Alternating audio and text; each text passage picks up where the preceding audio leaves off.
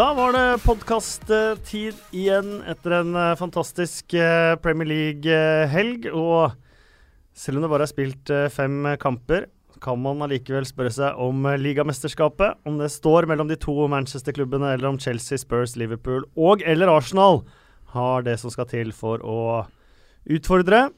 Arsenal med en hvert fall en reaksjon siden sist uh, bortekamp viser at de kan være med og spille mot uh, topplagene. De som ikke er med og spiller mot uh, de antatte bunnlagene, det er Liverpool. Ronald Coman, allerede så begynner oddsen å bli ganske lav på at han kan bli nestemann som får sparken. Og når får Crystal Palace sitt første mål og kanskje sine første poeng? I studio Petter Myhre, ekspert. Ja, men velger å kalle det det. Ja. Eller så, såkalt ekspert, er ikke det de fleste kaller det? ekspert er et, et, et, fryktelig ord som uh, gir rom for uh, masse diskusjoner. Uh, så ja. Jeg later som jeg kan fotball, i hvert fall. Det, ja, det, det, er det jeg prøver på også, men jeg kan ikke like bra som deg. You'll Never Talk Alone-podkast, en av mine favorittpodkaster. Rasmus Wold. Ja, hallo. Det var hyggelig sagt. Liverpool-fan? Ja, det må jeg vel kunne si. Ja.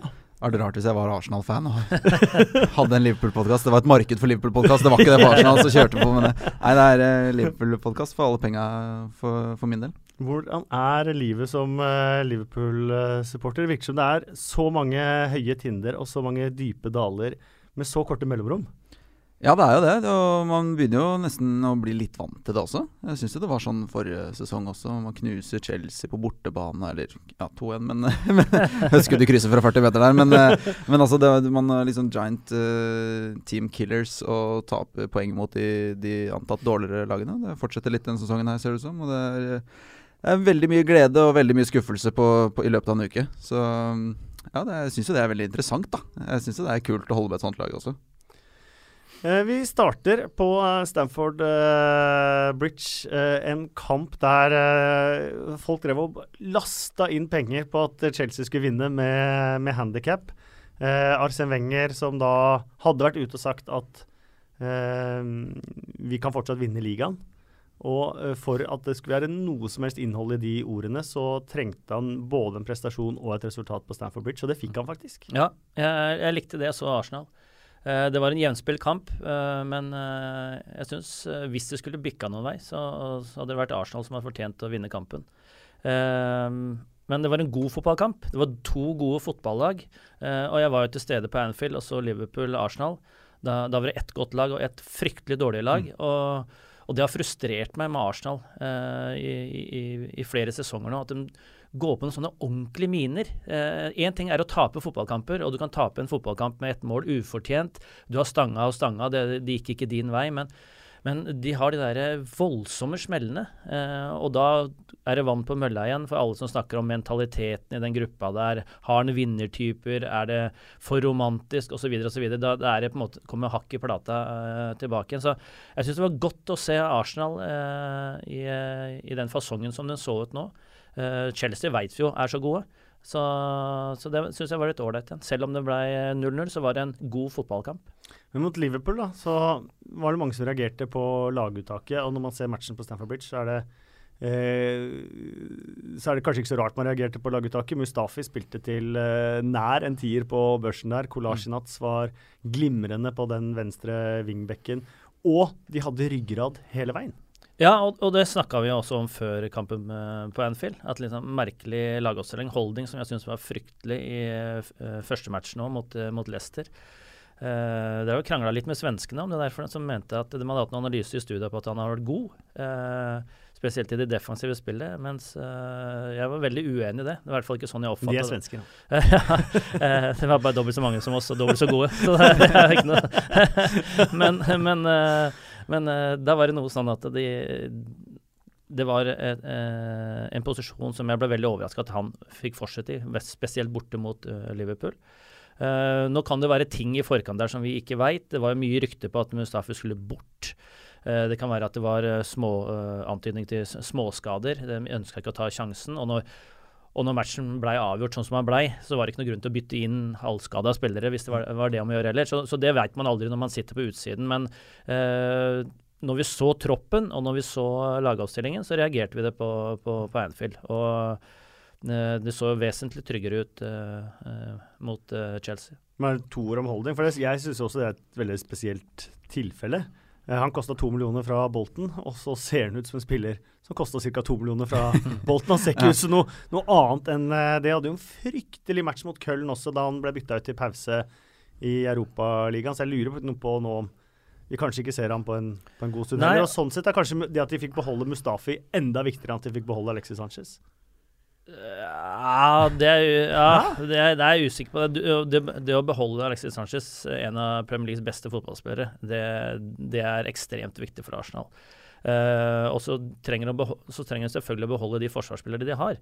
For det er det som har vært det store mm. til, eh, til, Arsenal. Én, at de har hatt forsvarsspillere som ikke har vært gode nok. Men også to, at de har ikke forsvart seg som et lag. Det er litt sånn, uh, siden vi har en Liverpool-mann her, så er det sånn uh, det snakkes hele tida om at Arsenal er for dårlige forsvarsspillere, Liverpool er for dårlige forsvarsspillere. Men det er en utakknemlig oppgave å, å være forsvarsspiller i, eh, i, Arsenal og Liverpool. Fordi de spiller på en måte hvor de flytter opp ekstremt mange spillere i angrep. Sånn at de blottlegger seg i mye større grad enn f.eks. Chelsea gjør. da, mm. ikke sant? Mm. Eh, eller Manchester United gjør. Eh, og, og, da er det sånn at det å stå bak der, stadig vekk havne i én mot én, to mot to-situasjoner, løpsdueller, det å måtte eh, ta to steg fram hver gang du lurer på hva du skal gjøre, istedenfor å kunne ta ti steg bakover. For det er sånn måten de spiller på, så er det gjenvinning. Og hvis plutselig backfireren da faller av ti meter, så får de et rom å angripe i som, som, som, er vrient. Så, så, så, vi skal forsvare de forsvarsspillerne til eh, Liverpool og Arsenal eh, litt også. At det, det, er ikke veldig enkelt eh, å stå bak der. Det er mange av de som hadde sett gode ut eh, i andre mer eh, lag som har en annen spillestil. da. Ja, det kan vi se på. Altså Saco er også et godt eksempel på en som plutselig så ut som en milliard dollars i, i Palace når han mm. fikk spille for et lag som spiller dypere. Uh, men jeg tror også det er veldig viktig for Arsenals del å få Korselny tilbake og holde han skadefri. Uh, med den hurtigheten han har når de spiller på den måten som Petter sier også. At det er viktig å ha en som kan ta de løpsduellene hvis det skulle havne i det også. Og det å få stabilisert den treeren med, med, med Korselny og Mustafi, og, og, kanskje ikke kjøre inn Per Mertesaker for mye når de skal spille på den måten der. Det kan bli veldig tungt. Men for, eh, for, Chelsea, de har hatt noen eh, durable oppgjør med, med Liverpool. Uh, Diego Costa, Skertel, og sånn har det vært med, med Arsenal og, og, Chelsea også. De har hatt på en måte han Diego Costa har faktisk bare ett rødt kort han, i, i Chelsea, det kom i en cupmatch. Men det, er tolv for lite, altså. Det er helt sinnssykt. Men det er jo akkurat det, da. Han klarte jo det å fyre opp motstanderne til mm. å, å, å, miste fokus, til å få unødvendig og dumme røde kort, sånn som Gabriel f.eks. For, for, uh, for Arsenal. Mm. Eh, uten Diego Costa nå, da. Eh, så har du en Alvaro Morata som på mange måter Det ser nesten litt ut som han godtar å være i baklomma til Mustafi og Chelsea pådrar seg nå, utenfor ett rødt kort forrige sesong, sitt tredje røde kort allerede. da. Mm. Er det pga. at de mangler, mangler kanskje en Diego Costa-type i laget? kanskje? Ja, det kan jo kanskje være det. For det, det, det røde kortet til eh, David Louis nå var jo ganske hodeløst. Eh, de, de, jeg følte Chelsea hadde veldig kontroll på det tidspunktet, og det var de som pressa på for å få, få de tre poengene. Så, og det var helt ufarlig område og går inn der. og det er litt sånn Det er, litt, det er noen David Louis over det, men, eh, men jeg, jeg, skjønner hva du mener med at det er litt lite, litt lite fighterinstinkt på topp der i, i den krigeren. The uh, Dark Arch? Ja, det er det som, eh, som Liverpool også hadde for så vidt med, med Louis Suárez, mm. som er litt lignende type, som, som, gjør absolutt alt og har et vinnerinstinkt fra en annen verden, som Diago Costa også, også har. Så ja, kanskje Chelsea mangler noe av det, i hvert fall kanskje spesielt da mot Arsenal på, på søndag. Men, men, samtidig så tenker jeg det er ikke derfor David Lewis får, får rødt kort, for at det ikke koster på banen. Det er jo mer at uh, det har vært en tøff match. Uh, det har vært en del dueller. Du kommer på slutten, begynner å bli sliten. Uh, blir holdt av Sanchez i, i, den situasjonen der. Er litt sånn forbanna, havner litt på etterskudd. jeg kjenner igjen det sjøl. Det er noen ganger at du, du tar en råsjanse, og så blir du mm. litt irrasjonell, og så, så kaster du deg fram i duellen. Uh, og vi har sett noen ganger så går det greit, fordi man uh, er i den duellen først uh, og, og, klarerer ballen unna og får satt på en måte knottene i, i bakken før hun treffer motstanderen. Da, og noen ganger så går det ikke.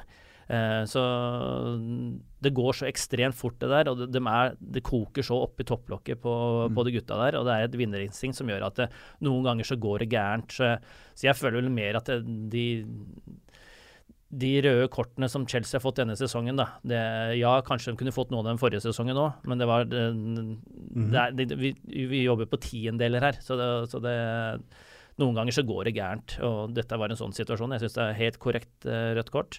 Selv om han uh, skal ha frispark i forkant, så hjelper ikke det. Du kan ikke forsvare at uh, han kaster seg inn og utsetter motstanderen for fare etterpå. Ja, så faktisk nesten litt som var litt sånn usikker på brudd der med en gang ja, man så det. Kolasinac er jo en fantastisk type. da Sånn Ja. tilvekst i Premier League. For, Ja. et, for et fysisk beist, og for, Ja. en, for en skalle den mannen har. Jeg jeg skulle virkelig ønske han gikk til Liverpool. Han var jo linka til Liverpool en periode der. Før han gikk til Arsenal. Og det er, det er en spiller som jeg virkelig har tro på, som kommer litt sånn på free transfer, som kan plutselig vise seg å bli et skikkelig varp. Jeg liker han fyren der. På toppen av Premier League så er det to lag som har 13 poeng, som har sluppet inn to mål, og som har skåret 16. Begge er fra samme by òg. og selv om det bare er spilt eh, fem serierunder, så spør allerede folk seg om dette kommer til å bli et, bare et Manchester-slag, rett og slett, kampen om Premier League-tittelen. Og Samme spørsmålet stilte man forrige sesong. Det gjorde man da de vant de ti da, første, Da, da ja. ikke at det var et slag, men da var Ja. Manchester City hvor mye skal de vinne med. Så å konkludere eh, før vi kom, nærmer oss jul, det, det har jeg ikke noe troa på.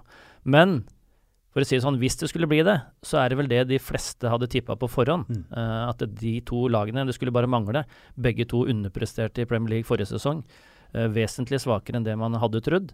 Så, og med den pengebruken som har vært i, i, både for Guardiola og Mourinho etter at de, de kom dit, eh, og de har nå, det er to av verdens beste managere som nå har fått bruke tre overgangsvinduer, eh, og lagene ser ut som de gjør, så skulle det egentlig bare mangle at ikke de var med og, og kjempe om det ligagullet. Og Så får vi se da om det er noen av de andre lagene som, som kan henge seg på. Eh, det er fortsatt for tidlig å, å avskrive noen av de, syns jeg. Ja, det var litt, kanskje litt akkurat litt for tidlig forrige sesong også, tenker jeg, for begge lagene, egentlig. Med, med kun det ene sommervinduet og eh, europaspill. Og det var litt flere variabler forrige sesong, føler jeg. Så jeg, man kan kanskje være litt tryggere på å si at det blir en kamp mellom de to lagene i år, fordi de har en, en enorm bredde. Bedre stall enn alle de andre lagene. Og eh, i fjor så hadde du Chelsea som ikke var med i Europa, du hadde Liverpool som ikke var med i Europa. Tottenham røket tidlig. Mm. Så det var litt sånn ting lå til rette for at de skulle At det, Mm. at det gikk andre lags vei, da. Og det føler jeg at i år så, så kommer de stallene til å gjøre utslag i løpet av en hel sesong også. Det, det er mer eh, spill på like premisser, med kanskje med uttak av Arsenal, som du har nevnt tidligere, Petter, som kanskje kan nedprioritere Europaligaen. Men, eh, men eh, ja, jeg tror ikke de er gode nok uansett. Men som eh, Liverpool-fan er det frustrerende å se at måla bare flyr inn fra alle kanter for begge de to. Ja, i hvert fall jeg føler at eh, forrige sesong så var det liksom Liverpool som var det mest eh, underholdende laget som skåra sinnssykt mye, spilte utrolig kul fotball, og, og nå er det liksom 1-1 hjemme mot Burnley. De skaper selvfølgelig mye, men, men å se, spesielt United, som man det har vært så deilig å ha noe å kritisere dem for. At de spiller den Marino-fotballen, at de skårer lite mål, at det er litt, litt kjedelig å se på til tider. Men, men nå virker de bare rett og slett altfor solide. Og det er eh, ikke så veldig deilig å se på, selv om det er Everton det gikk utover nå. Det er interessant da, eh, når vi hører, eller husker hvordan Mourinho klagde forrige sesong. At han ikke hadde noen målskårere. Mm. Eh, vi hadde jo tema oppe i Premier League flere ganger, og vi snakka om du har Rooney, som nå riktignok ikke er der. Men du har Mata, du har Rashford, du har Martial, du har Zlatan, du har Pogba, liksom, du har Mkhitaryan. Eh, at de gutta ikke skårer mål, det må han være med å ta på sin kappe. Mm. Og gå ut og klage over at det, er for lite målskårere, det, det var total feil forrige sesong. Og det føler jeg at vi har fått svar på denne sesongen. Uh, nå har de spillere vært så gode som det de burde ha vært forrige sesong. Uh, I tillegg så har de fått Lukaku, som på en måte har veid opp for, Zlatan. Så uh, det er mer enn nok eh, gode eh, offensive spillere i det United-laget til at de kan underholde og, og, og skåre såpass med mål som det de har gjort eh, denne sesongen. Eh, jeg ville vært eh, mer overraska hvis de ikke hadde gjort det, og også med tanke på de lagene de har møtt nå i starten av sesongen. Så, så det er ikke sånn at du forventer ikke at de skal skåre 16 mål, det er ikke det jeg sier, men at de der skal, det skal være kamper som, som Manchester United hadde vunnet ganske greit. Det, det tippa de fleste på forhånd, tror jeg. Mm, så er det noe med at Mourinho også lager Bruker ofte den første sesongen på å sette laget og gjøre det utrolig vanskelig å slå. De var jo et et utrolig vanskelig lag å slå. Det ble bare litt for mange uavgjorte Mm, forrige sesong. Mm. Så har han det, det, den muren der i, i bunn, og så kan man liksom begynne å legge på litt mer fokusere litt mer offensivt i sesong nummer to, som ofte er Mourinhos uh, Ja, han vinner jo alltid ligaen sesong Ja. nummer to. Sesong, ja. Men jeg, jeg så en sånn statistikk her at de året, tre årene han har vunnet Premier League med, med Chelsea, så vant han alle de fire første kampene. Mm. Så det var sånn, så ble det nå uavgjort i den, eh, den fjerde Ja, her, da. ja. eh, Som eh, gjorde at den, den statistikken sprakk, i hvert fall. Men det er selvfølgelig bare en statistikk, så de har fortsatt gode muligheter til å være øverst til slutt. Helt uh, brukbare muligheter. Men så har det Mourinho som er uh, Mourinho ønsket uh, velkommen til motstanderlag og manager i sine programnotater, som han alltid gjør. Men han klarte ikke å dy seg. Han måtte skrive at Ronald Koeman han har brukt eh, hva da, det han skrev til og med beløpet, om det var 150 eller 120 millioner pund, eh, og, eh, og bør forvente en topp fire-plassering. Det er så mye mind games fra den fyren der. Det er helt utrolig. Hvor mye har han brukt selv, da? Da skal han jo vinne ligaen med en mil. Men Koman synes jo ikke dette var noe særlig. Han tok jo dette opp på pressekonferansen etterpå, at eh, Mourinho legger unødig press på, på meg, og det er helt håpløst det han, eh, det han sier. Ja, det, det er, folk har jo forskjellige meninger om det der. der. Eh, ja, det er en konkurranse. Uh, det er en nådeløs konkurranse uh, klubbene imellom. Det er jo om å å, å, stå øverst til, til slutt. Ikke, du ønsker jo ikke noe, at noen andre skal gjøre det bra. Du, du, er du blir jo selvopptatt og opptatt av deg sjøl. Men samtidig, jeg har, uh, uten sammenligning for øvrig, da, jeg har aldri uh, vært Premier League-manager, kommer aldri til å bli det. uh, men jeg har vært trener i, i Tippeligaen. Og treneryrket sammen med manageryrket, det er et av de mest ensomme yrkene i, i verden. Fordi det er sånn at du Ja, du er i et trenerteam, Mm. men det er du sjøl som tar alle avgjørelsene. Det er du sjøl som tar alle konsekvensene. Det er som jeg har sagt tidligere, at det, er, det å være assistenttrener, det er som å være militæret. Mens det å være hovedtrener, det er å være krigen. Mm. Sant? Er du assistenttrener når det står en med rødfis rundt hjørnet, så veit du at ja, ja, ok, jeg er fri igjen i morgen likevel. Men, men eh, står det en med eh, ordentlige kuler der, så er det game over. Og du har sendt laget ditt inn i, i, feil eh, i fiendens fangeskap. Så, så jeg skjønner at sånn underholdningsmessig og sånn, at media og fans og sånn syns det er kult at det, det er litt drittslenging og liksom sånn eh, Ja, litt boksematch. Jeg har kalt det for, forkant av boksematch. Og, så jeg, jeg har forståelse for det, men, men jeg tenker at det, ja, bygge opp til en kamp og slenge litt dritt og, og, og sånn for å liksom skape litt entusiasme og sånn, det, det, det har jeg ingen problemer med. Men å skrive en sånn eh, unødvendig kommentar, da, på en måte, som, som han ikke kan forsvare seg mot, og som jeg i utgangspunktet mener er helt feil, da. Hadde det vært, hadde det, hadde det vært eh, sånn at uh, dette her hadde alle vært enig i, for det, det, selvfølgelig skal Everton være det, men jeg tror uh, 99 av fotballsupportere uh, skulle tippa tabellen. Før sesongen så tror jeg ingen hadde hatt Everton på topp fire. Mm. Selv om de, de handla spillere. Så, så da syns jeg det igjen at det blir sånn unødvendig. Liksom, da, tenker, da lurer jeg på liksom, hva, hva, hva, hva er poenget? Hva er, det, hva er det som har skjedd mellom dere tidligere? Er det noe du prøver å, å, å si her? Så, så, sånn sett så, så mener jeg at man må være litt mer kollegial da, i, i de settingene der. Og så får man heller hive på køl når det er ja, United-Liverpool, da. Ikke sant? Eh, og og fyr, være med å fyre opp litt der, eller eh, City mot United. Når, når- det er på en måte noe å fyre med, da.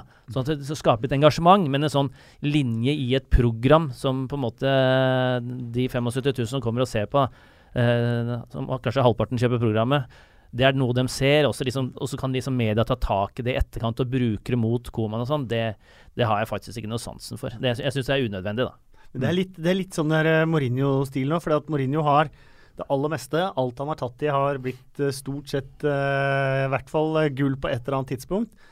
Men så har han den lille eh, Spesielt mot de som har hatt store spillekarrierer, og kanskje spesielt store spillekarrierer i Barcelona.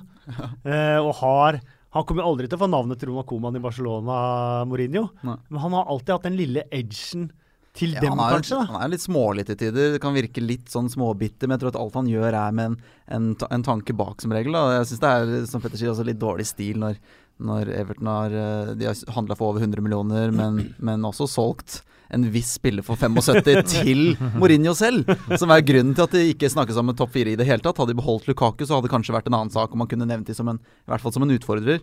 Men, eh, men når han selv er grunnen til at, det ikke, er en, at ikke Everton er en topp fire-kandidat, så syns jeg det blir ekstremt smålig. Ja. Apropos press øh, hos managere, så er jo Koman plutselig da Mm. 0-12 på de kamp, siste kampene, øh, og er selvfølgelig under press. Jeg så en øh, avis som øh, da bare ramsa opp uh, 'The Crying Dutchman'. Om alle de eh, nederlandske fiaskoene som har vært i Premier League, eh, med René Møylensten, Louis van Gaal var nevnt, Frank de Boer selvfølgelig. Uh, Hiddink uh, ble levnet liten ære, Ruud Gullit, Dick Advokat. Eh, og selvfølgelig tok de også med, som alle eh, engelske tabloidaviser uten respekt for seg selv, eh, ta med Steve McLaren, for han har selvfølgelig vært i Nederland og trent. eh, men Koman er under litt press nå. Ja, er det. De ligger på nedrykksplass, men så er det jo selvfølgelig bare spilt fem kamper. Og så tror jeg det er veldig viktig å ta kampprogrammet tatt i betraktning også. Det er et voldsomt program Everton har i starten. Så at de skulle hatt noe særlig flere poeng enn det de allerede har, og det så spiller du på den med. Atalanta, og at de Ja ser De ser fryktelig Men så får de poeng på ett, ja da. Ikke sant? Ja. Det er jo litt sånn Men, men hvis du ser, da. Slår Stoke første hjemme. Ikke sant? Det er det man forventer at Mm. eh, de skal gjøre. Stå, slår en annet ø, si øvre halvdel-lag. Mm. Men de har hjemmebane, de forventer at de skal vinne. Gjør jobben sin. Så får de uavgjort borte mot Manchester City. Uh, utgangspunktet poeng ingen hadde regna med. Mm. Eh, så er de selvfølgelig heldig fordi Manchester City får en utvist, og, og, og det hjelper jo. Og likevel, de er ikke noe gode. De er heldige som får Mm. med seg poeng. Og så er det da borte mot uh, Chelsea. Ingen forventninger. De er hjemme mot Tottenham. Uh, normal, Tottenham de, jeg tror ikke de har slått dem på de ti siste kampene i, hjemme i Premier League. Eh, så er det eh, bort mot eh, United. Så kom Atalanta inni der, ja. Ja, så kommer Mm. Atlanta inni der. Og så, liksom, så, så jeg tenker at det, eh, Ser du på hva de har møtt, og, og som Lasse sier, forventa poeng de sitter igjen med, så mener jeg at de sitter igjen med det man kunne forvente. Mm. Uh, og, Men eh, er du ikke litt skuffa over det de Jo. viser spesielt framover, da? Et Everton som er og det, vant, Vi er vant med å se de Mm. komme med massevis av fart. jo, Og og, nå står det nesten stille framover. Ja, og det, og det sa vi jo i overgangsvinduet. Hva er det viktigste hvem skal, hvem skal Everton hente? Hvem skal Everton hente? Er det keeper? Er det, ikke sant? Så nei, det viktigste for Everton er å beholde Lukaku. mm. Sant? Du, du klarer ikke Vi husker når uh, Liverpool solgte Suárez. Vi husker når, uh, når eh, Spurs solgte Bale. Mm. Ikke sant? Når, du, når du selger uh, verdensklassespillere, og så skal du prøve å kompensere for de med to, tre, fire som er litt dårligere, Mm. så er det plutselig Stor masse, forskjell på Suárez og. Ricky Lambert. Jeg må bare si. Jo, jo, ikke sant? Det er ikke lite grann. Nei, men, men, men det, er, det er ikke det at du For det første så får du ikke tak i én spiller som er like god, da. Så du, så du kan ikke putte én spiller inn, Mm. og så er det de ti vanlige, kan vi kalle det det, de vante spillerne som skal linke opp med han. Her blir det plutselig tre-fire nye spillere som skal linke opp med hverandre, og som skal linke opp med de seks-sju andre som er der fra før av. Så, så, den, den prosessen hjelper ikke at du, du, du får inn gode fotballspillere, men de, de skal de, de skal settes sammen nå. Så jeg tenker at det, det overgangsvinduet her, så har Everton signert mange gode spillere, men de ble satt et halvt år tilbake igjen. Mm. For det, de skal inn og bli kjent med omgivelsene, de skal inn og bli kjent med Koman, spillergruppa, alt mulig, og det er mye som skal falle på plass. Så, så jeg syns det er altfor tidlig da, å kritisere Koman, men så er det alltid sånn Når Uh, I hvert fall min erfaring er at når du skal prøve å utvikle noe, da, og spesielt det offensive spillet som vi, som vi snakker om her, så er det det vanskeligste. Og så har du mange nye spillere som skal inn i den gryta, og så skal du få den gryta til å smake eh, som den beste gryta du noen gang har lagd. Mm. Det tar tid. Mm. Det tar tid. Og så er det ofte sånn, som spiller, da, så så er det mye informasjon. Det er mye ny informasjon. Og når du da ikke får resultater, når det butter imot, så blir det en slags sånn lammelse. Både fysisk og, og mentalt, da. Som gjør at det, allting ser veldig mye dårligere ut. De ser treigere ut, de ser giddeløse ut, de ser ut som de er, ikke vinner dueller, de ser feige ut. Du får hele den der pakka, da. Og så kommer manglende selvtillit inn, og da faller ting som et korthus. Og da ser det som regel mye, mye dårligere ut enn hva det egentlig eh, kan forvente da, Mm. av de spillerne. Så får vi se nå om de evner å komme seg ut av den, for nå dukker det plutselig opp kamper som, som de eh, er forventa Mm. at de skal ta, ta poeng. Men eh, hadde jeg vært eier i Everton da, og sett på det Koman faktisk har prestert Everton forrige Mm. sesong, det han presterte i Southampton, så mener jeg det er altfor tidlig å, å avskilte den mannen. Jeg mener at eh, Hvis man skal eh, kritisere Koman for noe, så er det jo det å eh, Som du sier, det viktigste var å beholde Lukaku, men når han går, da, så, så holder det ikke å hente Rooney og Sandro Ramires. Du må ha et, et nivå over det, og Sandro Ramires kan, altså et kjempetalent kan bli, bli god på sikt, men det er en helt ny liga, helt ny, alt er nytt.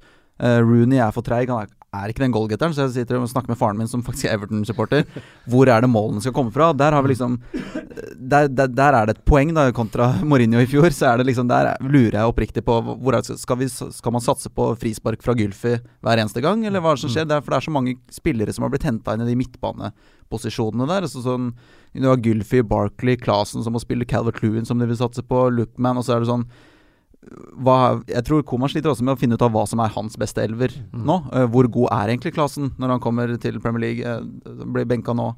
Uh, og fortsette med Rooney der oppe, det tror jeg han må spille et hakk bak. Ja, det må være en spiss der som setter de sjansene de får.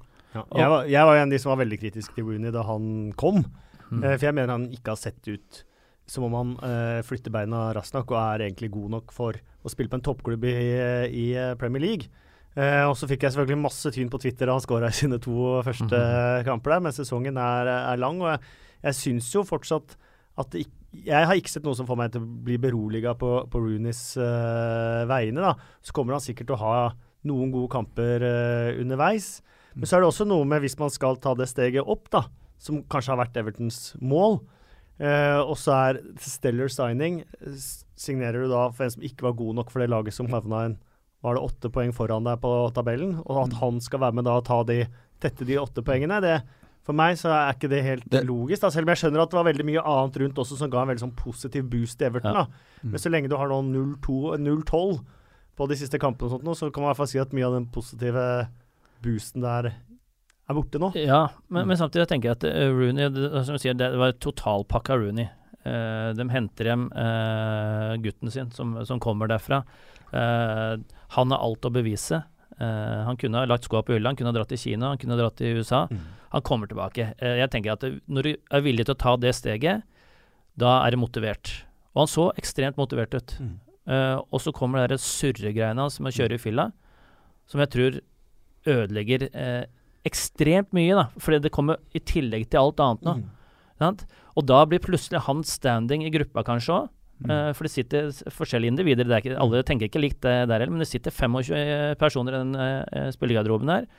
Og noen uh, syns fortsatt Rooney er kul og hører på han osv. Og, så videre, og klarer å skille mellom sak og, og, og ball. Mens noen syns han bare er en, en idiot pga. det han har gjort. ikke sant? Så, så jeg tenker at det, det kom i tillegg nå. Koman må ut og forsvare det. Eh, bruke energi på dette her. Så, så, så det greiene der og surrer jo det ordentlig til. da. Mm. Eh, for jeg må ærlig innrømme at jeg, jeg syns det var kult når Rooney leverte i de første kampene Ja, der helt enig. Uh, og han så bedre. Han kunne jo skåre, burde Mm. ha skåra på Old Trafford nå. Uh, og Everton hadde sine sjanser der, må ikke glemme det. Det Sigurdsson og, og Rooney der. Det det kunne fort eh, ha vært uavgjort når vi hadde gått inn i slutten der, og da hadde selvfølgelig også Everton forsvart seg på en annen måte. Eh, så, så, så akkurat den kampen mot United syns jeg ikke var krise. Det var verre det vi så hjemme Mm. mot eh, Tottenham, det vi så mot Borte Atalanta. mot eh, ja, borte mot Chelsea. Mm. For da var, da var det sånn flatt batteriforestilling. Eh, Mm. og, og, og det er skremmende, for i hvert fall hjemme på Goodison. Da, da skal det smelle i veggene der. Mm. Eh, Det er eh, en av de kuleste stadionene å være på når, når, det- når det rocker ordentlig der. Eh, og hvis det ikke rocker der, så, så blir det en sånn fantastisk intim arena som jeg tror blir litt sånn eh, hemmende da, for spillerne. For, for, for, for publikum er fortsatt engasjert der, og du får, får eh, glosene eh, sitter tynt der. Det, det, det, det fyker gloser der, og du, du, får, du får høre det. Altså. Så da, da er det fort sånn at du, du får høre misnøyen veldig Mm. tydelig. da. Mm. Så, så, så det blir interessant å se hvordan de skal komme ut av dette. her, og så var det vel også sånn at de gikk ikke Koman ut her og sa at de hadde en spiss klar, men forsvant siste, det, ja. Mm. Mm. siste overgangsdagen der. Og da er det klart eh, Vi skal være forsiktige med å kritisere managere for overgangsvinduer. Mm. Jeg husker den der eh, Jeg tror jeg har fortalt den tidligere, med, med Brendan Rogers der. Ja. Hvor han fikk kjempepepper for sitt overgangsvindu. Og så viser det seg at han har prøvd på William, han har prøvd på Sanchez, han har prøvd på Costa. Mm. Hadde du fått de tre inn, da, så hadde han blitt sendt på som, som, som helten over halve helter i, i, Ja, i Det kan jo være bare forskjell på byene, at det er mer attraktivt å flytte til London. Jeg vet i hvert Ja, Det var sant? det for Sanchez. så- ja, ja, så, så det er ikke noe Brendan kan Så, gjøre. så det er, jeg føler at noen ganger så blir, eh, blir manageren liksom framstilt som de ikke har peiling, da. Mm. At de er dumme, liksom. liksom. Men hvis du ser Jeg har jo vært over der og, og, og, og fulgt noen av disse klubbene. Vært på, på, på vært på innsida og, sånn. og ja, det er noen apparater der som du, du ville aldri tro det. Du ville aldri trodd hvor mye folk som jobber eh, for at eh, de klubbene der skal eh, bli gode. Eh, og så er det selvfølgelig gode, eller gode, flinke folk og dårlige folk der, som, som alle andre steder.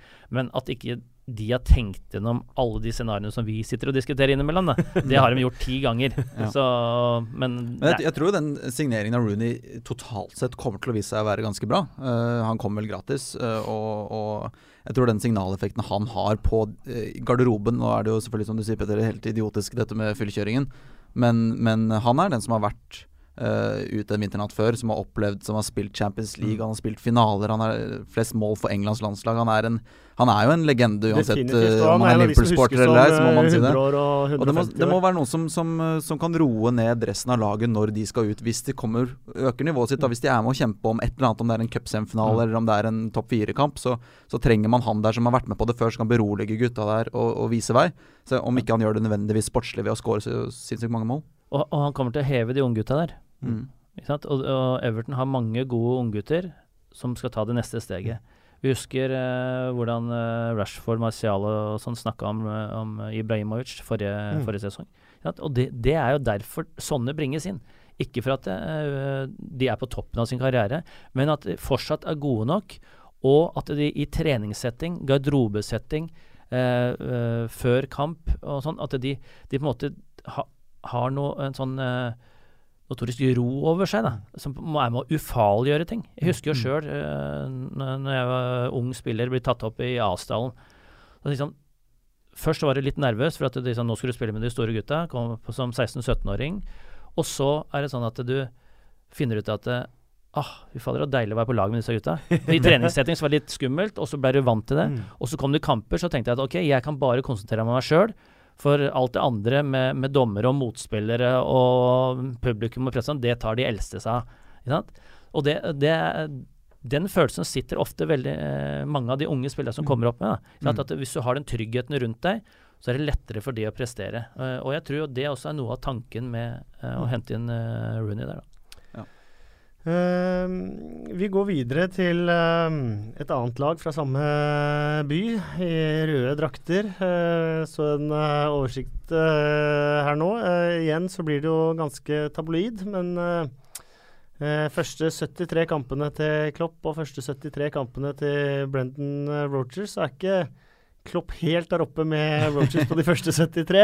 Nei, jeg tror før du fullfører det, du skal si nå, så er det viktig å, å si at eh, eh, nå kom Klopp i oktober, og, og, var det vel? Og ligaen var jo omtrent kjørt allerede der. Mm. Og det satses, ble satset på Europaligaen hele Altså, Kevin Stewart starta hver kamp i ligaen, liksom. Det var, det var eh, på det nivået der utover sesongen. Så den, det er, det er, og det er mange kamper Mm. i den første sesongen der som, eh, som man nesten ikke burde ta med. Nei, og det var det også jeg sa da vi var eh, Vi hadde jo pre-match, som det heter. Jon Hartvig Børrestad og Brede Hangeland og jeg der. Og så har jeg også at på spørsmål fra Jon, eh, så har man sett progresjon. Mm. Eh, fra en ligaplassering til den eh, neste. Man er inne i Champions League, man nevnes enda høyere. Eh, men samtidig så sitter man igjen med de, noe av de samme problemene. da, eh, Fra å knuse Arsenal på hjemmebane til å spille 1-1 mot Burnley på hjemmebane. Eh, Forsvaret Fantastisk kamp mot Sevilla som man bare får med ett poeng, hvor prestasjonen tilsvarer at man skulle få med både tre poeng pluss noen plussmål der. Mm. Eh, og det må jo Det er jo der skoen trykker, og alle ser det jo. Ja, eh, det er jo ingen tvil eh, om hvor skoen trykker i Liverpool. Altså, for det offensive er jo glimrende, og så har man dårlige dager og, og, og gode dager og sånne ting. Men, eh, men det må jo holde en gang i ny og ne å skåre ett mål. Ja. Av og til så må du kunne vinne hvis du skårer to mål. Men det er liksom, sånn, sånn er virkelig ikke å være. Og jeg tror eh, mye av det handler om, eh, i hvert fall nå i, år, at det har vært enormt mye rotasjon. Eh, det er- virker som det er helt 50-50 hvem som starter på, på både høyrebekk og venstrebekk. De får annenhver match, og Klavan og Lovren får Til og med annenhver rotert match. på keeper. Ja, ikke sant. Keeperen også er jo, er jo De har hver sine, hver sine turneringer. Eh, som også hindrer dette med relasjoner og kontinuitet bakover der. Og det er, veldig viktig i den delen av banen. Eh, så og jeg tror også det handler litt om, som mange Jeg ser at mange skriver også om at eh, en, en, en god midtbanespiller, en, en, en som er bedre enn Henderson defensivt, en som kan fungere mer som et skjold. Nå får man Keita neste år, som er en veldig god eh, midtbanespiller defensivt også, i tillegg til å, å være god offensivt. Mm. Men, eh, men eh, det er en sånn helhet der som, som, som aldri får satt seg. Og jeg trodde at når du så på slutten av forrige sesong i Liverpool, så holdt de nullen etter nullen etter nullen på slutten der, fordi Lovren og Matip spilte hver match. Eh, forsvaret var satt, og da ble det også resultatet bakover. Uh, men så fortsetter han å rotere. Nå kan det være litt sånn sår rygg på Lovren og sånn, men, men det blir for mye rotasjon. Det blir for, for lite relasjoner mellom eh, stopperne og, og også bekkene, til og med. Men jeg tenker at uh, for meg så er Brendan Rogers og Jørgen Klopp veldig gode trenere. Veldig gode managere, begge to. Uh, jeg syns Brendan Rogers fikk altfor mye tyn. Mm. Eh, og jeg tenker at hvis du ser et eh, intervju, kampintervju før kampen og etter kamp med Brendan Rodgers og Jørgen Klopp, da har du på en måte mye av historien om hvorfor folk eh, har eh, Klopp mye høyere Mm. enn Brendan Rodgers. Mm. For det, Brendan Rodgers var kjedelig eh, intervjuet før kamp. Etter kamp så prata han om eh, situasjoner som ingen hadde eh, sett, på en måte. Skulle prøve å framstå litt eh, mer intellektuell enn alle oss andre. Og, og, og skrøyt av prestasjoner som var dårlige, og ville aldri liksom eh, ta den fighten, da. Ikke sant? Mens Klopp, når du hører intervjuet med han, så, eh, så kjenner du deg igjen. Mm. Sant? Du kjenner deg det han sa. Det er litt rene ord for penga. Mm. Han prøver å ufarliggjøre ting. Og liksom. Så jeg tenker at hele approachen som, som Klopp har, da, hele vesenet Klopp har, det gir en masse ekstra Mm. goodwill. Mm. Mens Brendan Rodgers var det nesten motsatt. Mm. Uh, så, så jeg tenker at det er noe av grunnen til at det, folk ikke ser bak resultatene. Mm. Og så mener jeg fortsatt at begge de to er veldig gode trenere. Uh, og jeg mener fortsatt at eh, Jørgen Klopp er rett mann for Liverpool, og at han uh, må få tid. Men selvfølgelig dette her som alle andre ser, at de sliter defensivt, at de sliter på defensive dødball og sånn. Dette her veit de. Dette jobber de med. Og så er det sånn derre eh, Hvor mye skal du jobbe med, da? For jeg vet jo sånn eh, som trener sjøl og som spiller at du Hvis du jobber med en ting veldig mye, så blir det ofte altoppslukende. Da blir du litt dårligere på det andre. Mm. Og da er det sånn Er du inne i en periode da hvor alt fungerer offensivt, du leverer og du leverer og leverer, skal du da dra bort fokuset fra det og fo fokusere ekstremt mye på det defensive? Skal du def hvor mye, hvis du, eh, nei, hvis du prater om defensive dødballer, hva er det som rører seg inni huene på de spillere når det kommer til kamp da? Liksom, ah, nå er det dødball imot igjen. Mm. Ah, her er vi dårlige. Ja. Ikke sant? Det, så så det, er, det er ikke så enkelt som vi skal ha det til mange ganger. Da. Vi, vi har en ten, eh, tendens til å diskutere svart-hvitt om alt som dreier seg om fotball. Men, men hadde det vært det, så hadde selvfølgelig verdens beste managere gjort noe med det. Mm. Ikke sant? Bildet er mye mer nyansert enn som så. Men alle veit at det, måten Klopp ønsker å spille offensivt med, med, med Liverpool, de gir konsekvenser defensivt. Mm. At, og så- er det spørsmålet hvordan skal de klare å få orden på det defensive her, da, uten å måtte gå på akkord med sin spillestil offensivt. Det var litt sånn, Jeg husker, husker man uh, snakka om uh, når Uh, man, eh, når Høgmo tok over landslaget, så var det sånn man skulle være som var, var selvfølgelig bare et bilde på det. Ikke sant? Det er ikke bokstavelig talt uh, ment, men vi skulle være som City offensivt, og vi skulle være som Atletico Madrid defensivt. Og, og, og, og for meg da, så, så tenker jeg at eh, det er en grunn til at ikke City er som Atletico Madrid defensivt. da. Mm. Og det er en grunn til at ikke Atletico Madrid ser ut som City offensivt. For, for det er ikke mulig. For det har noe med hvilke posisjoner du flytter opp spillerne dine i det, i det offensive spillet, da, som gjør at du, du kan faktisk ikke forsvare deg sånn som så City kan aldri forsvare seg som Atletico Madrid. Da, sant? Men dette var sikkert bare et bilde på det som, som alle journalister og, alle, og fans og sånn skulle skjønne. Ja, det- han gjør det enkelt for hvor- alle journalister og fans å gjøre det jo, jo, men hvor er det William? Men jeg tenkte når jeg hørte det første pressekonferansen, tenkte jeg, "Nei, det, det, det er ikke mulig.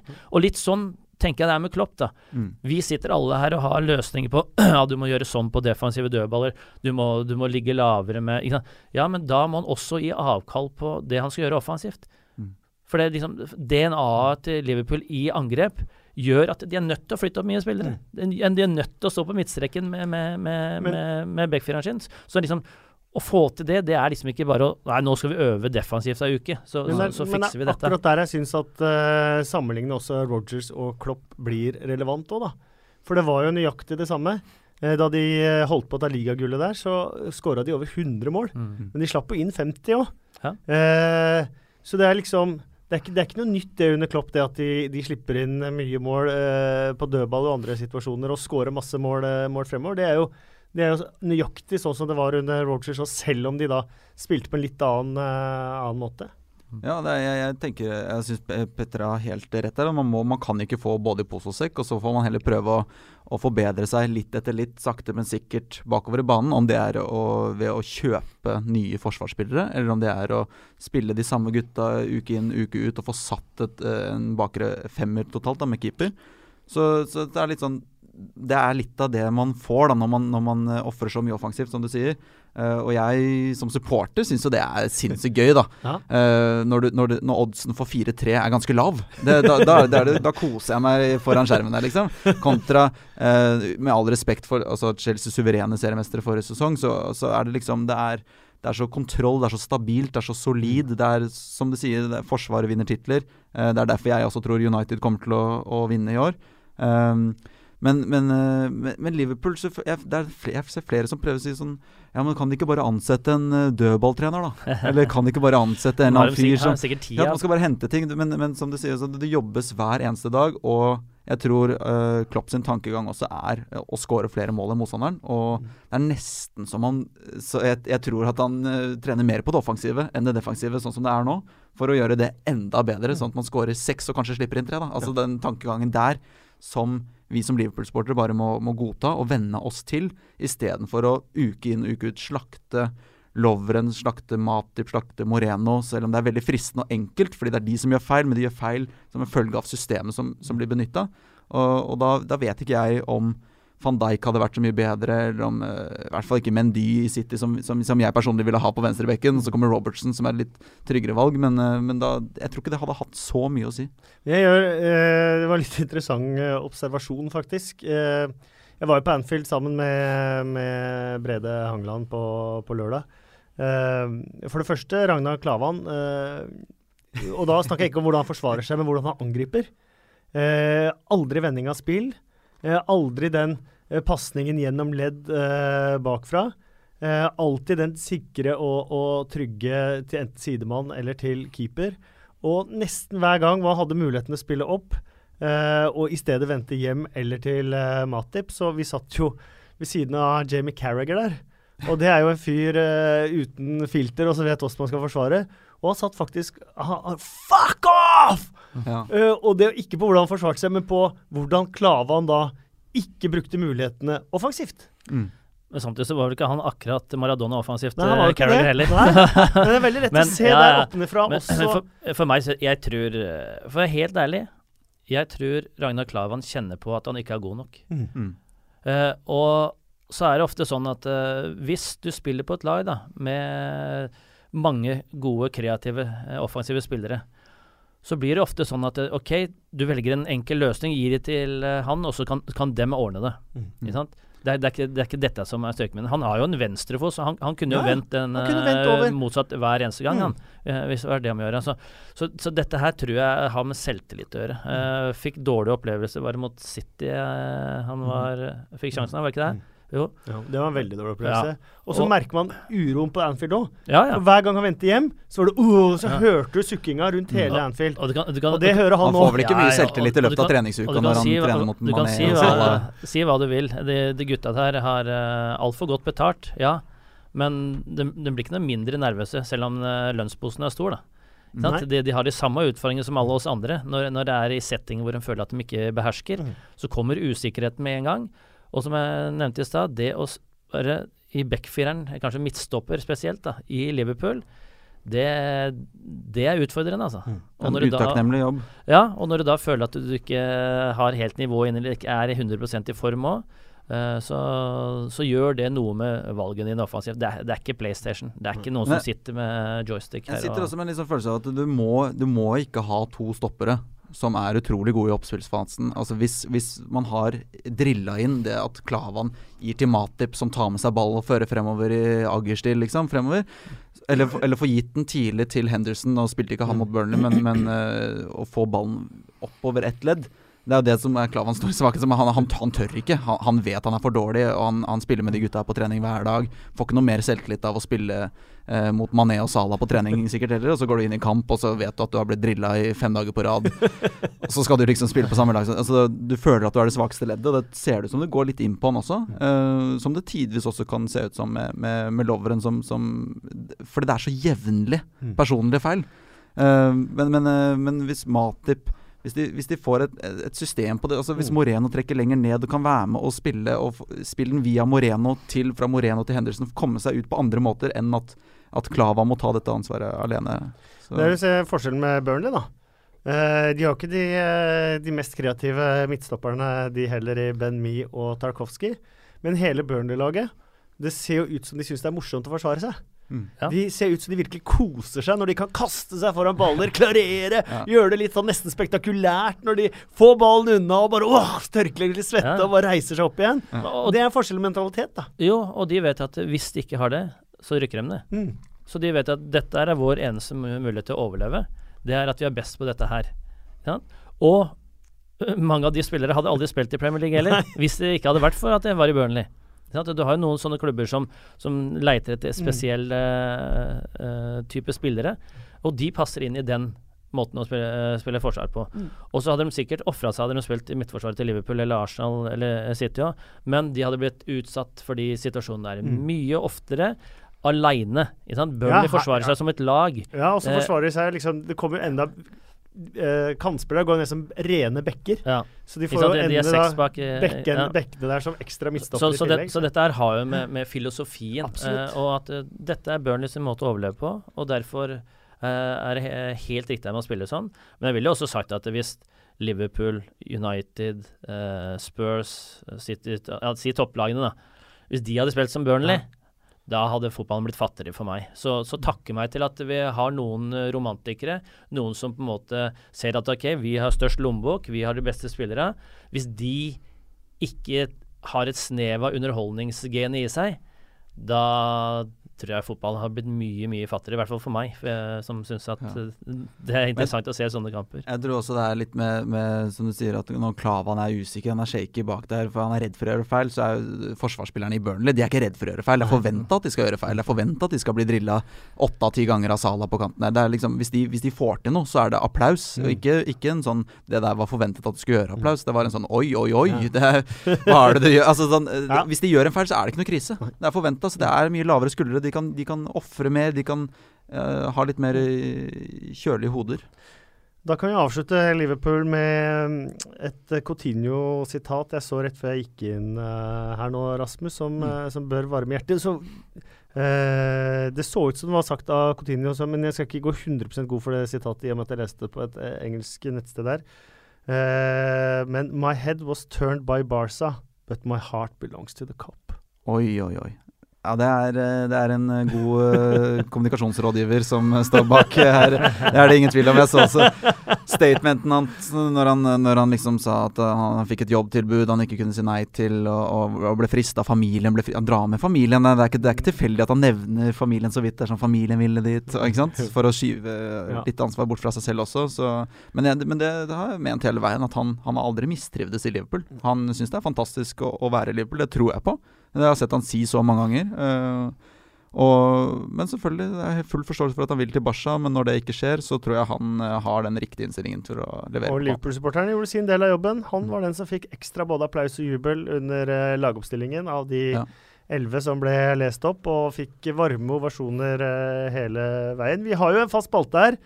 Ukens blomsterbukett, ukens kaktus og ukens ukjente helt. Mm. Ehm, Det betyr at vi skal gi en uh, blomsterbukett uh, til uh, en spiller fra, fra denne, denne runden som har vært. Det er mange som, som har gjort seg fortjent til det på mange måter. men en som da Han har vel vært på årets lag én gang i Premier League, vært, aldri vært nominert til årets spiller, eller om det er omvendt. Men så skåra sitt tiende hat trick! Sergio Aguero. Jeg har lyst til å gi mine blomster til eh, han, med mindre dere har noen andre Nei, den støtter Nei, det er veldig, det er veldig åpenbart når man scorer hat trick og, og serverer eh, Jesus også, så, så ligger den ganske klar der. Men eh, jeg vil jo også nevne, ikke en spiller, men Rafa Benitez som har snudd ting litt rundt uh, null mål på to, de to første null poeng.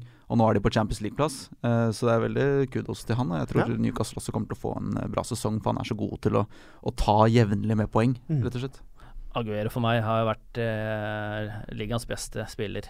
Eh, eller en av ligaens beste spillere i alle sesongene har vært der. Eh, har vært en gåte for meg at ikke han har kommet med på disse Åros-lag og sånn, eh, mer enn det han har gjort. Eh, har eh, vært litt for uheldig med skader, eh, som selvfølgelig har uh, stykka opp karrieren hans litt.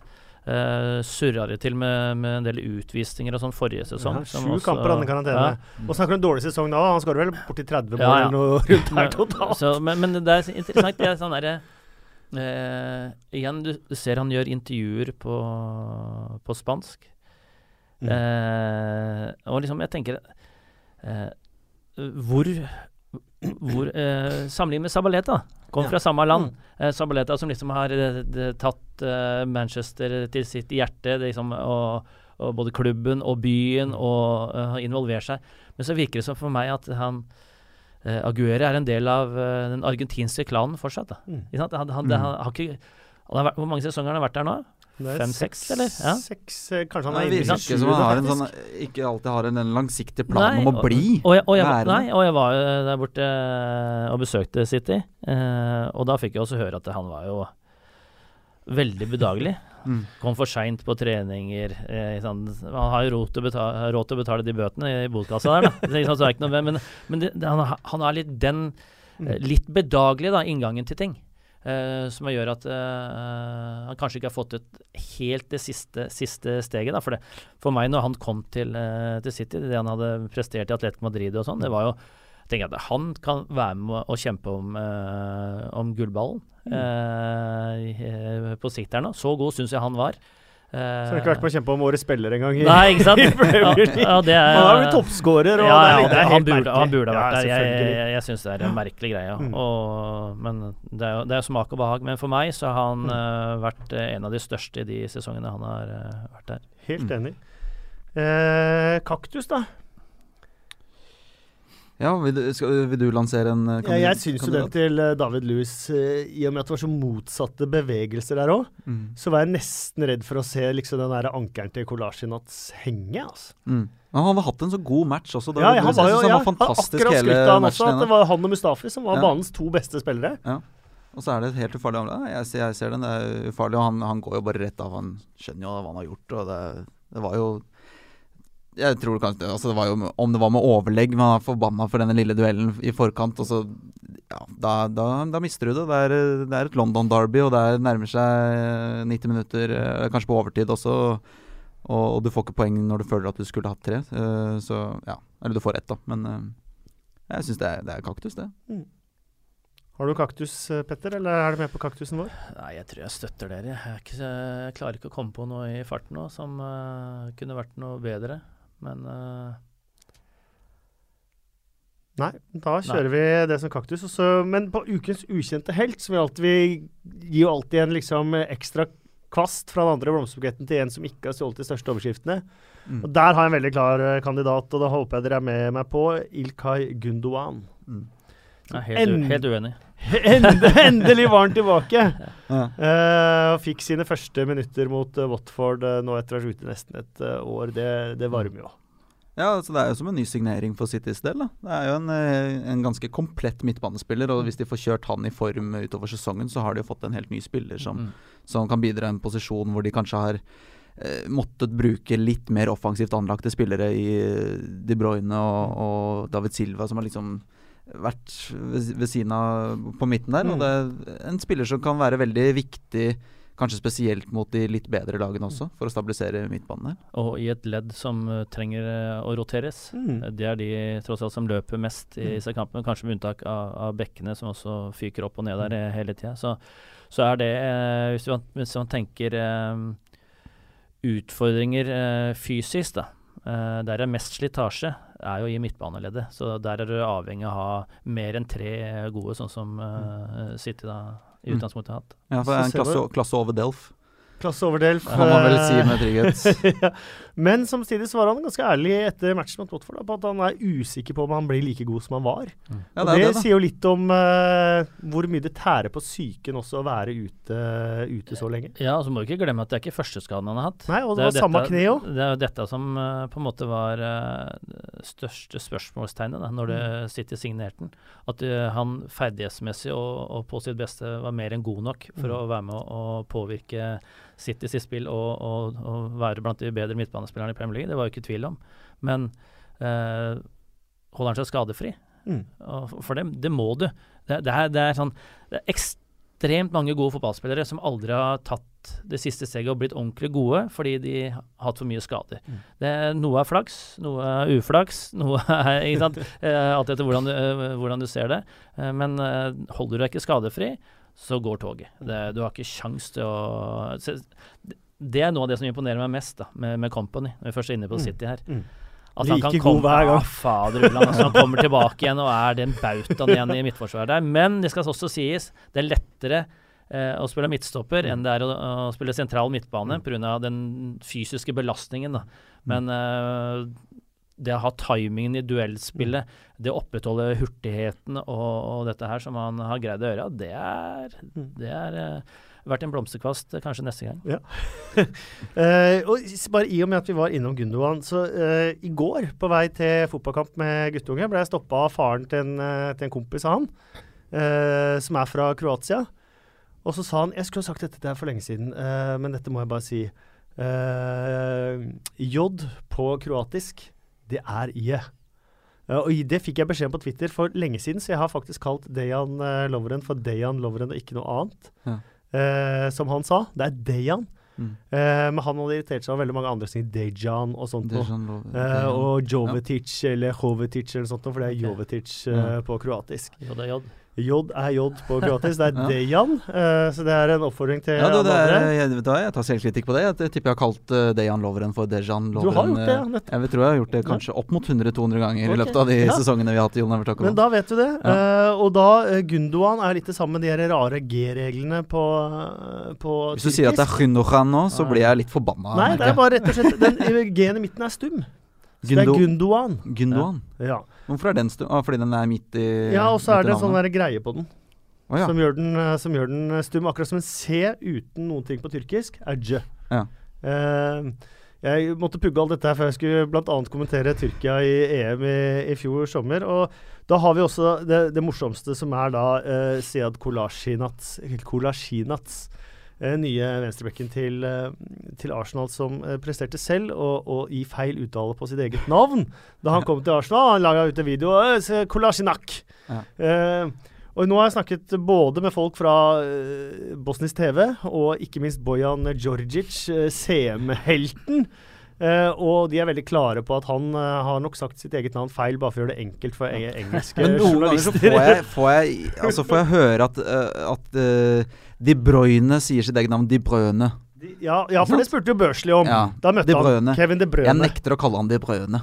Ua- for han er De Br- De Bruyne for meg. Samme som Dirk Coit er Dirk Coit for meg. Han er ikke Dirk Kaut. Han er ikke det. Det er, det er noen ting som bare jeg nekter å endre på. Og det er jeg helt enig med deg, for noen ganger så blir det så rett at det blir feil Ja. på uttale av navn. Det høres nesten litt Eh, pretensiøst ut å være Ja, og noen ganger så må vi bare gjøre det enkelt for, for oss selv og for de som hører på og alt mulig. Man sa aldri heller khid khilit til Ruud Gullit, liksom. uh, og så, så såpass, såpass må det være. Uh, men å gjøre det en, en uttale av navn komplisert med feil, da mener jeg det blir feil, da. ja, ja. Eh, men gjør, Jeg sier f.eks. Jeg kommenterte Alexander Lacassette, og det jeg sa det sånn. Mm. Ikke Alexandre Lacassette.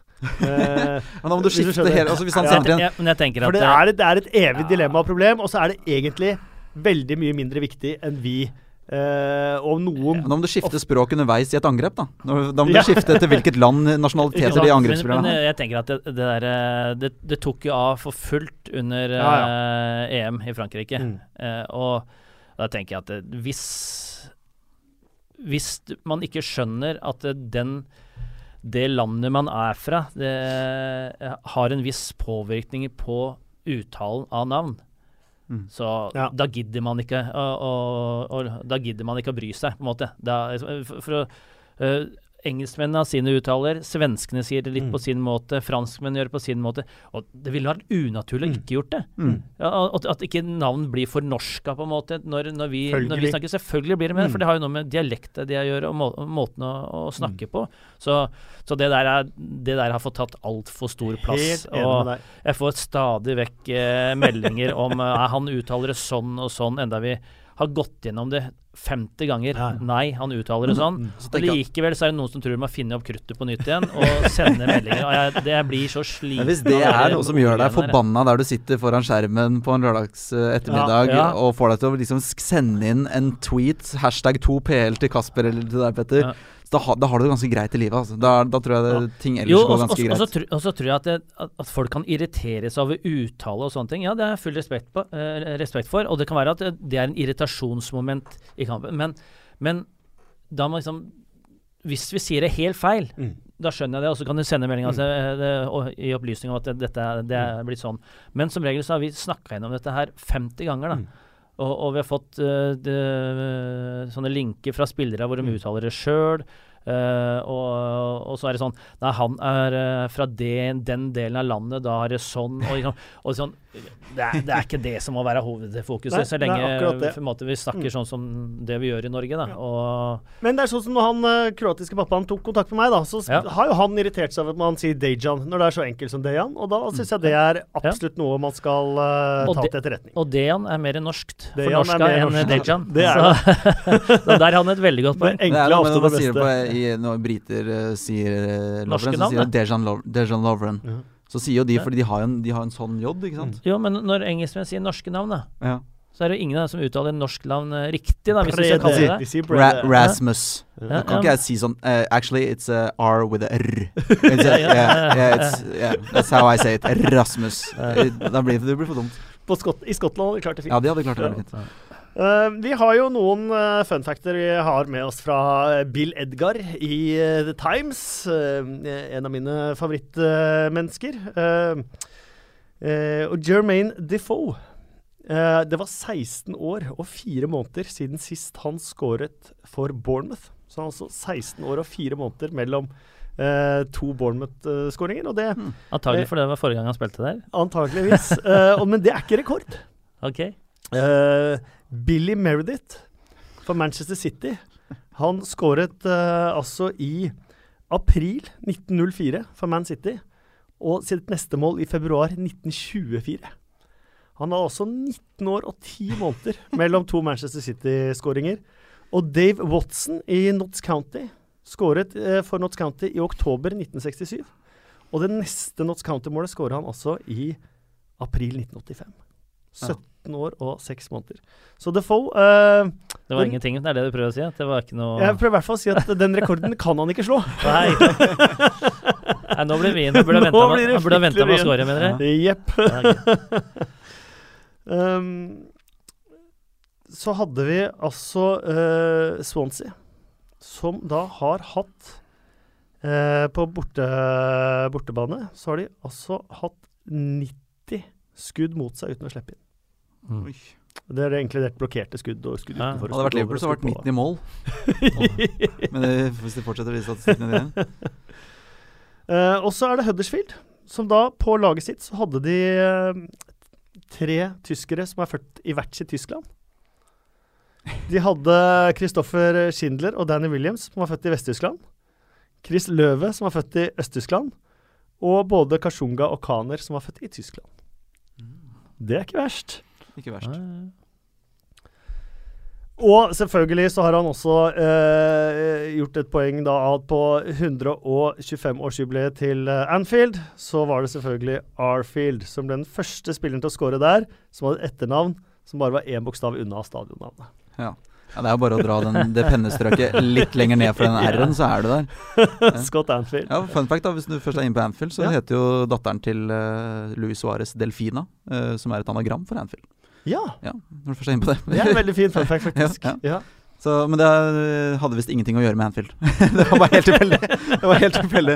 Han, han fikk helt, eh, skjønte ingenting da han ble konfrontert med det. Da kan jeg bare anbefale å se på på TV2.no. Simen har vært og besøkt dette Liverpool-hotellet, Mm. eh, som heter Ja. Hotell Tia. Mm. Eh, for han har jo oppkalt datteren sin da etter This Is Anfield. Mm. Eh, så dattera heter Tia. Og oppkalt etter hotellet sitt da etter, etter datteren sin. Ja. Um, vi skal ha noen spørsmål fra, fra Twitter, uh, Twitter også til uh, dere. For det har folk sendt inn på 2PL-pod.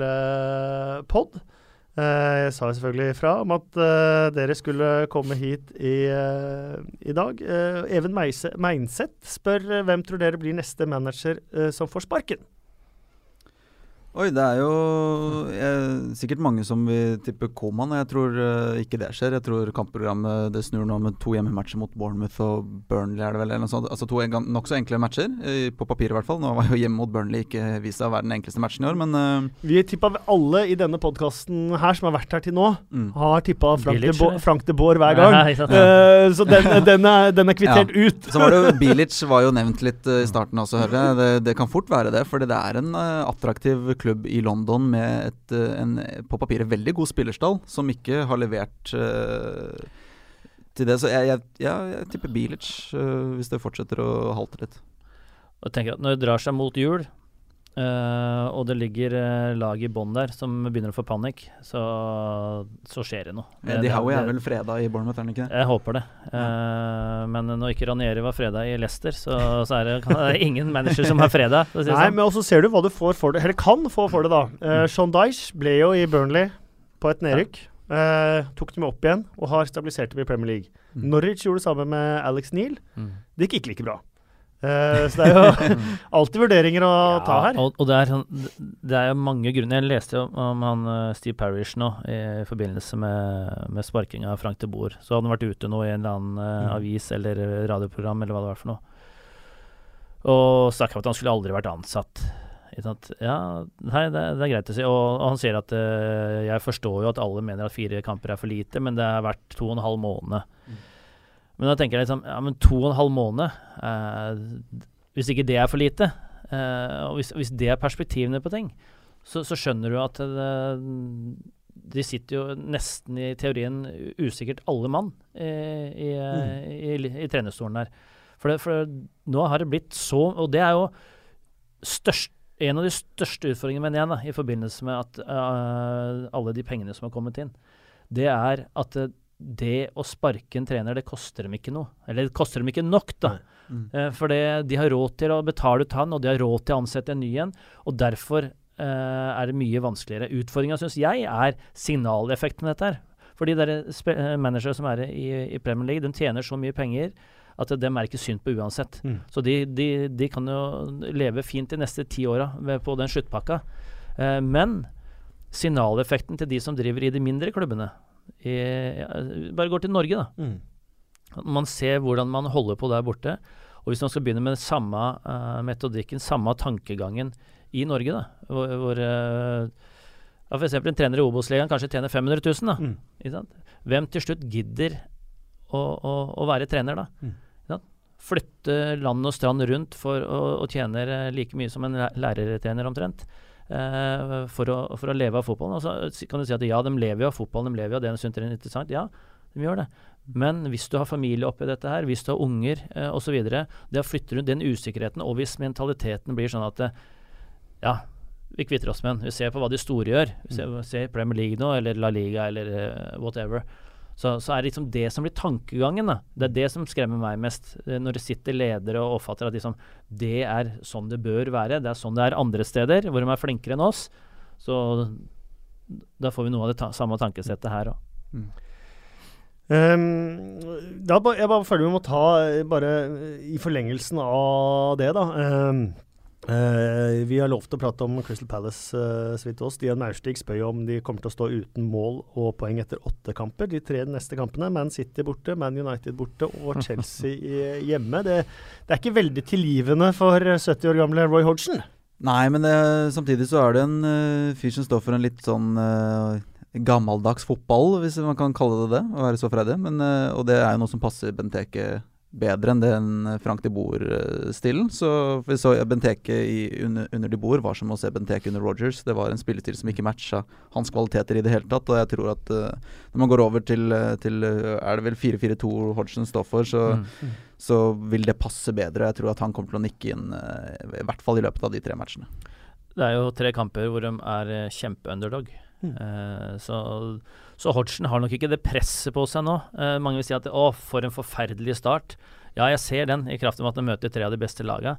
Men samtidig så er det tre kamper hvor han kan selge inn sitt budskap. da. Uh, og Hangeland har jo vært inne på dette flere ganger. og og når du har fulgt Roy Hodgson og måten han spiller på, så dreier det seg om defensiv struktur. Gjør det enkelt offensiv, defensiv eh, struktur. Og det er det er det kjedeligste å trene på. Mm. Men nå, når de har gjort det så fantastisk, det blir feil uttrykk, så jævlig dårlig som det de har gjort eh, her, så er det Og det møter de lagene hvor selv de spillere skjønner at det, skal vi ha noen sjanse her, så er det forsvar, forsvar, forsvar som gjelder. Dødballer, eh, kontringer offensivt som gjelder. Eh, det, så får han på en måte nå eh, liksom wildcard da, til å mm. innføre sitt system. Og skulle han da mot formodning klare å, å, å stillestand og trøbbel for disse lagene her, dra med seg en overraskende trepoenger eller få uavgjort en kamp eller to, så vil det være mye lettere for han å selge inn ideene sine videre. For det er ikke tvil om nå at nå er det tilbake til Allardyce Pulis eh, tankesett igjen. Mange av de spillerne som er henta inn der eh, Ja, Warnock òg skal du hente. Ja, ja, ikke sant? Og mange av de spillerne som er henta inn der, de ønsker i utgangspunktet ikke å spille sånn type fotball, men nå har de ikke noe valg, fordi de har prestert så dårlig uh, når de ønska, eller fikk spille den fotballen mange av de ønska. Uh, og de møter de beste lagene. Så, så timinga sånn sett syns jeg er perfekt for uh, Roy Hodgson til å selge inn sine ideer. Og så er det også viktig å, å ta med at altså, i, i, min bok i hvert fall så har, de, har Palace to gode offensive spillere. Og det er Benteke og Wilfred Saha som har vært borte. Så de har, mm. de har mista, eller mangla, mm. en veldig veldig viktig spiller offensivt som kommer tilbake om ikke så altfor lenge, til å være skjønt. Jeg vet ikke mm. hvor lenge han er ute nå. Nei, jeg tror han er eh, ikke så langt unna. Ja, ikke sant? Kanskje til neste, eller i så fall til den etter det. Og det vil også hjelpe det offensive veldig bra når det kommer til den kontringsfotballen som de kommer til å spille uh, i de tøffe matchene der. Det er også sånn, uh, føler jeg da i hvert fall. Står du med null poeng etter åtte kamper, mm. da allerede da så kan man nesten si, selv om det er 30 kamper igjen, at da er det vanskelig å holde plassen uansett. Én eh, trøst fins. Eh, du husker kanskje ikke det, men eh, du husker det kanskje. Det var starten på 90-tallet. Sheffield United, altså. De hadde fire poeng til jul. eh, fire Nei, poeng til jul? Nei, eh, det var til 90-91 eller 91-92. Ja. 17.12. Da hadde de fire poeng. Da slo de Nottingham Forest 3-1. Eh, da hadde de hatt juleselskapet sitt, eh, slo Nottingham Forest og berga plassen med glans eh, etter fire poeng til jul. Uh, så året etter så hadde de da julefesten sin i september. Bare for at de ikke liksom måtte vente til, til den uh, under Dave Bassets uh, tid. Så det fins håp, selv om det står med fire poeng til, til jul. For et tidspunkt for Helene Olafsen å, å begynne å følge Palace også. ja, Rett ned i championship og det er mørke, tider. Jeg sa det til henne, da har vi lagd begge to i championship. Norwich var vel under streken her, var for en uke siden i championship òg, men nå ser det litt bedre ut, i hvert fall. Og bare Vi skal så vidt innom, uh, innom championship uh, og si farvel til Harry Rednap. Antageligvis for godt. Mm. Mm. Uh, jeg tenker at han har fått sine sjanser. Ja. og mulig jeg oppfatter det feil, men han hadde kjøpt noe enormt med spillere 14 ja, spillere. Med spillere nå. Og, og, og, og, apropos Norwich, så, så, bare si det at på Carrow Road forrige helg så sendte han ut seks debutanter i startoppstillinga. Ja. ja.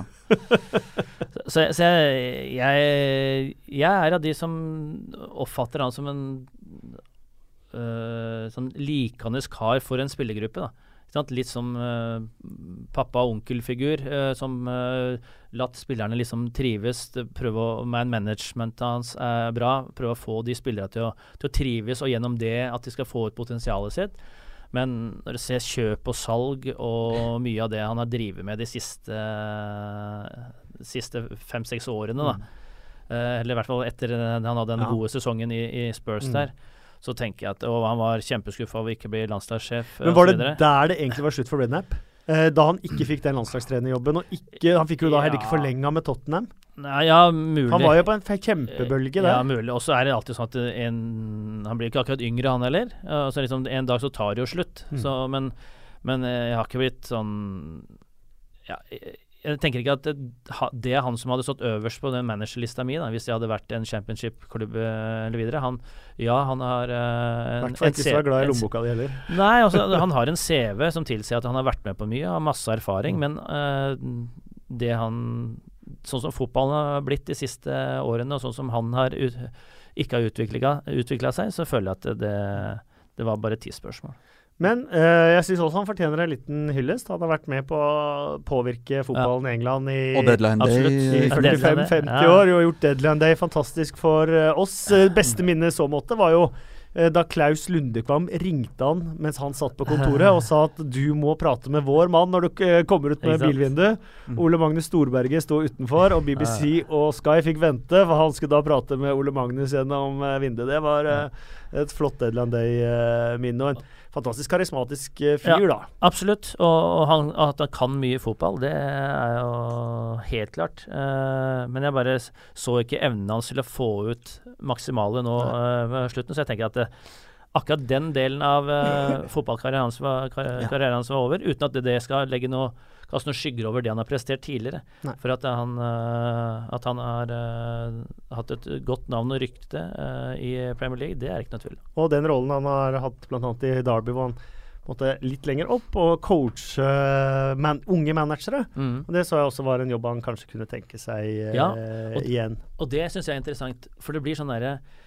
eh, Det med erfaring, da. Det, det er uvurderlig. Men så er det ikke sånn at erfaring er alt. Du må ha totalpakka. Mm. Men den, det som disse eldste, da, erfarne trenere kan gi når de ikke eh, står i managerstolen sjøl, det er jo å utdanne Mm. upcoming trenere. Mm. Jeg syns det er altfor få som Mm. på en måte eh, eh, bruker de evnene sine, da, som tenker at ok, Uh, han er ikke atskilt han er, Kanskje han er avskilta som manager uh, fordi han ikke ønsker å være det Mm. lenger. For at uh, uh, det ting tar mye tid, det er et stress, det er et press.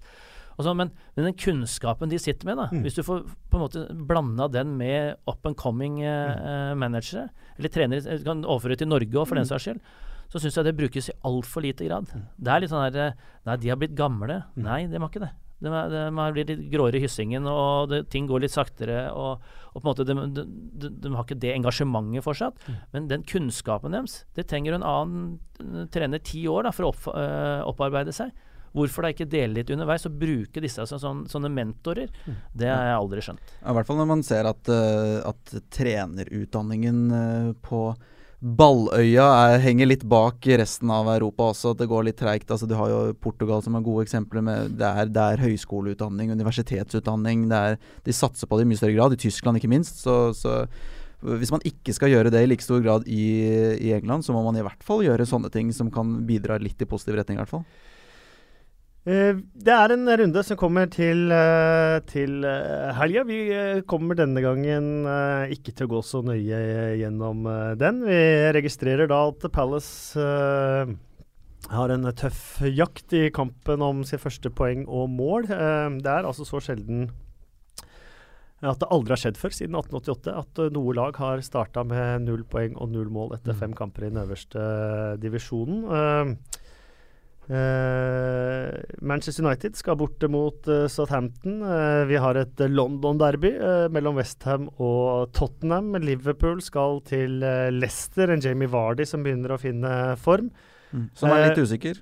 Som er litt usikker, for han måtte ut på en litt så ut som noe hamstring Kommer ikke til å spille ligacupen, i hvert fall. Nei, det gjør antageligvis Dette er jo da spilt inn på tirsdag formiddag før ligacupen, men Dele Alli skal jo da kanskje spille seg i form mot uh, Barnsley, eh, leste jeg så vidt i, uh, i dag. Uh, interessant også mellom Burnley og Huddersfield, ikke minst om Everton klarer å slå tilbake mot Bournemouth, som fikk sitt første poeng. Det er mandagskamp denne runden mellom Arsenal og West Bromwich. Men jeg tenkte jeg nå skulle avslutte litt med noe av det fineste jeg har sett denne uka. Og det er at Luke Skywalker rett og slett har fått seg et favorittlag i England. jeg trodde jeg skulle si at det var en eller annen som het Luke Skywalker på Sheffield Uniteds andre lag, eller et eller annet som kom opp med noe sånne Kasper Vikstad-opplegg. Nei, jeg vet ikke om dere har sett eller følger Mark Hamill, som spilte, spilte Luke Skywalker i, i, på i Star Wars. Ja. Uh, altså på Twitter, Three days ago, a tweet asked me if I was a Wolves fan. I liked it, thinking they meant the animal. Now they're my favorite team. I'd never heard of. ja. Når du har George Mendes på agentsida, du kan hente et smorgasbord av spillere over din egen hylle, og du i tillegg har Luke Skywalker på, på laget, da kan det fort være at vi får se Wolverhampton i Premier League neste sesong. Ja. ja, i hvert fall om eh, noen år. Ja. du, Rasmus og Petter, fantastisk hyggelig å ha dere her. Kjempehyggelig for å komme.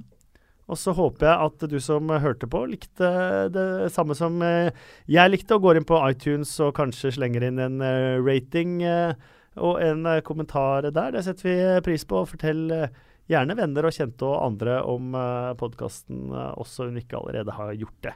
Tusen takk for nå, og lykke til både i ligacupen, hvis du hører det før laget ditt spiller der, og i den kommende runden.